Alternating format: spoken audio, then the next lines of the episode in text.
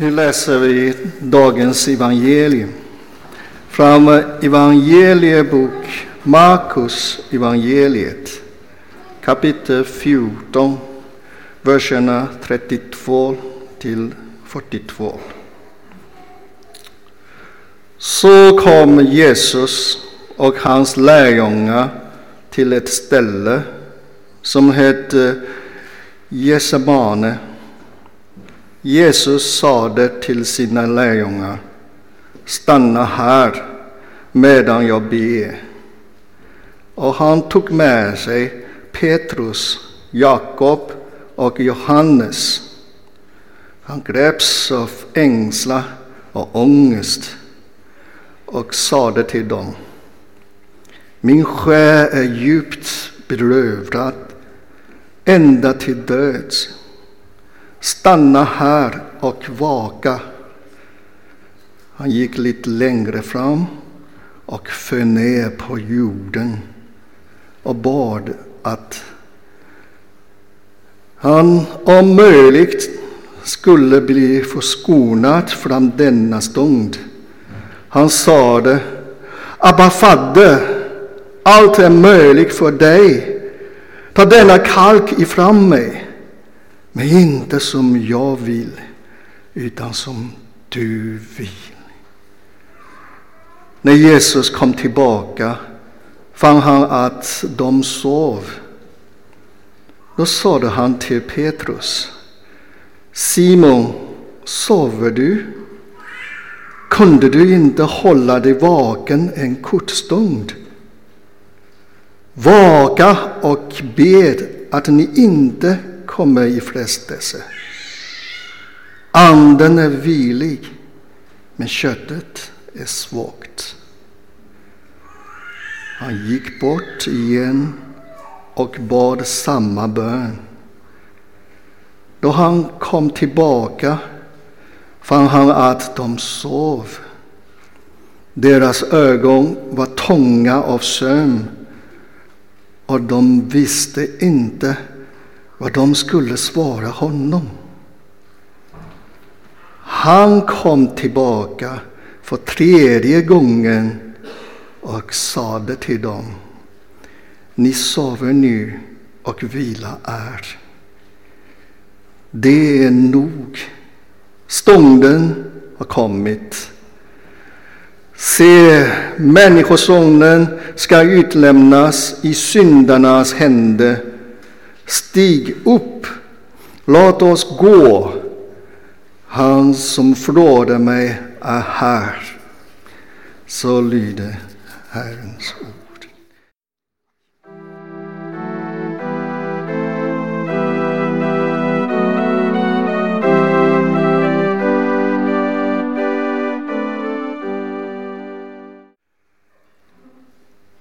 Nu är vi i fastan och en prövningstid. När vi fastar för Jesu Kristi skull så vi vet att den prövningen är den som Jesus har gått igenom. Inte bara där, utan också i Gesamane. Vi ber mycket i fasta tid och det behövs. Eftersom frälsningsväg är bönens väg och bönens väg är kampens väg. En kamp om livet och döden. En strid mellan människor och Gud.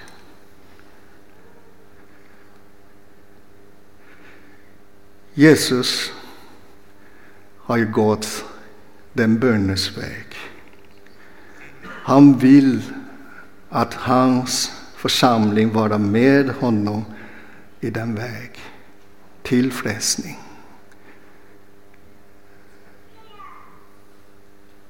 Han sade till församlingen, stanna här medan jag ber. Han sa till Petrus, Jakob och Johannes, gå med mig. Så församlingen är Jesus Kristi kropp.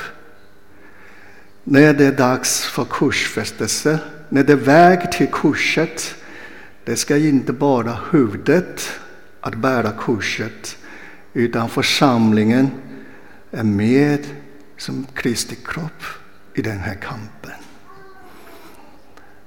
Det kommer att bli den svåraste kamp i en kristens liv.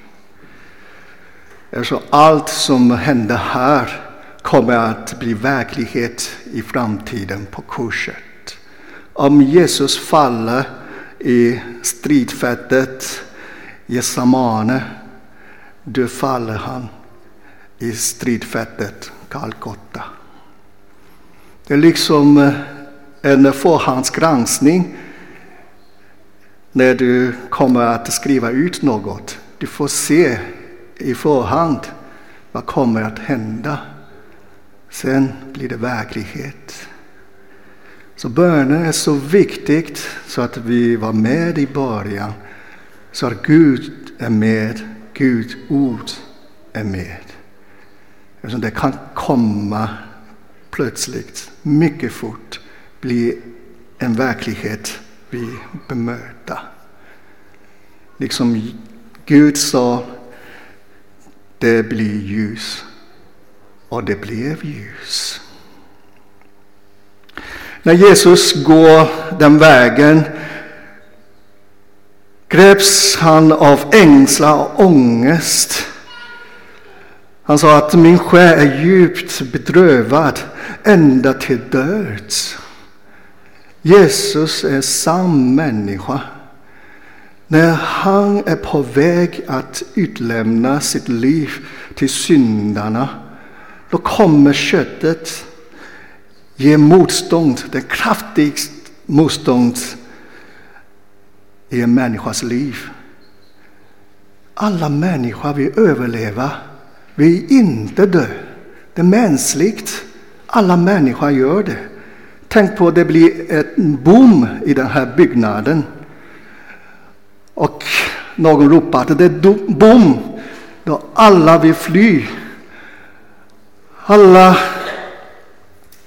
ber till Gud när de flyr från byggnaden och kanske i bönen ropar till Gud. Herre Gud, hjälp mig, ta bort bommen ut i tidsord. Ta bort mig från den tiden som jag befinner mig i nu. Den bommen är döden och den byggnaden är du och jag. Vi blir greps av ängslan och ångest. Så gjorde alltså Jesus när han går den vägen, den kampsväg, bönens väg.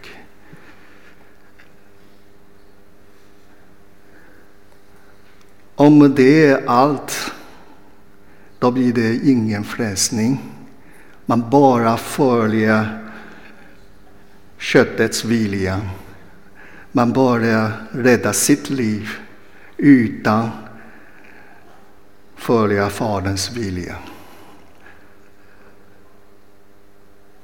Han trots allt, han bad Abba, Fadern, Fräs mig från den stunden. Ta bort den här katten. Allting är omöjligt för dig. Trots den bön, det slutar inte där. Men jag är inte vad jag vill. Jag vad du vill. Det är den andlig bön som vi har hört från Jesus Kristus. Han är samtidigt sann Gud. Anden fyllde i honom. Han ber i Andens vilja. Ske inte min vilja utan din vilja. Den här bönen också har Jesus lärt sina lärjungar. När lärjungar ska vara med och bön med Jesus kommer också Fader vår bön där. Ske din vilja på jorden som i himlen. Det ska inte vara ske min vilja på jorden. Även det är döden som kommer. Ske din vilja, men inte min. Det är den kampen som eh, vi får vara med. Det är den kampen som Jesus själv har ju gått igenom. När jag förberedde den här eh, predikan i pastoralkurs, jag har ju försökt som eh, lärjungar gjorde, sin bästa för att vinna den kampen med min egen vilja. Jag trodde jag har en vilja som Jesus. Så jag lovade min lärare den predikan blir färdig innan klockan halv åtta. Men jag sovde klockan sju. När jag vaknade igen, jag, oh, klockan mycket, halv nio, då jag skriver ett e-post. Jag blir färdig klockan tio. Men tredje gången när jag vaknade, det var klockan tre på morgonen dagen efter. Deadline har passerat. Jag är död. Men ändå, jag lämnade in min hemläxa. Denna gången skriver jag läraren, jag har passerat dödline, men ändå, det är min hemläxa. Jag lämnar in den nu. Så som lärjungar, den endast de lyckas med, eller jag själv har lyckats med, är att misslycka. Så är sanningen, så är verklighet. Vi människor misslyckas. Även vi hör Guds ord. Det är på inget sätt vi kan ha den stark vilja, den heliga vilja, så att vi kan bevara oss själva hela vägen till frälsning. Nej, det är det inte. Det är Jesus Kristus helt medvetet om.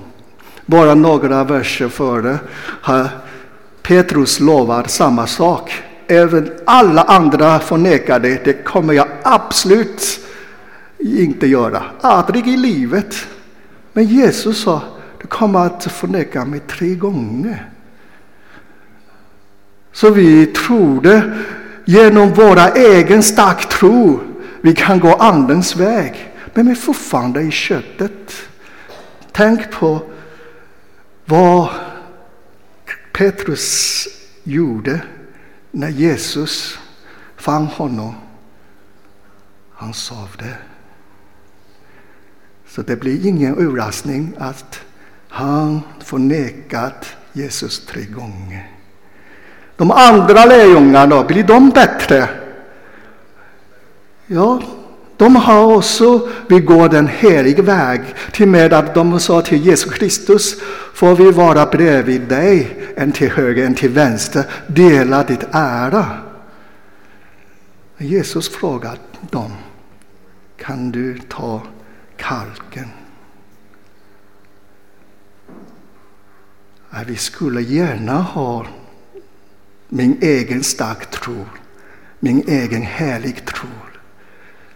Det är så pinsamt fördrövande att ha ett svagt tro i köttet. Ett självisk tro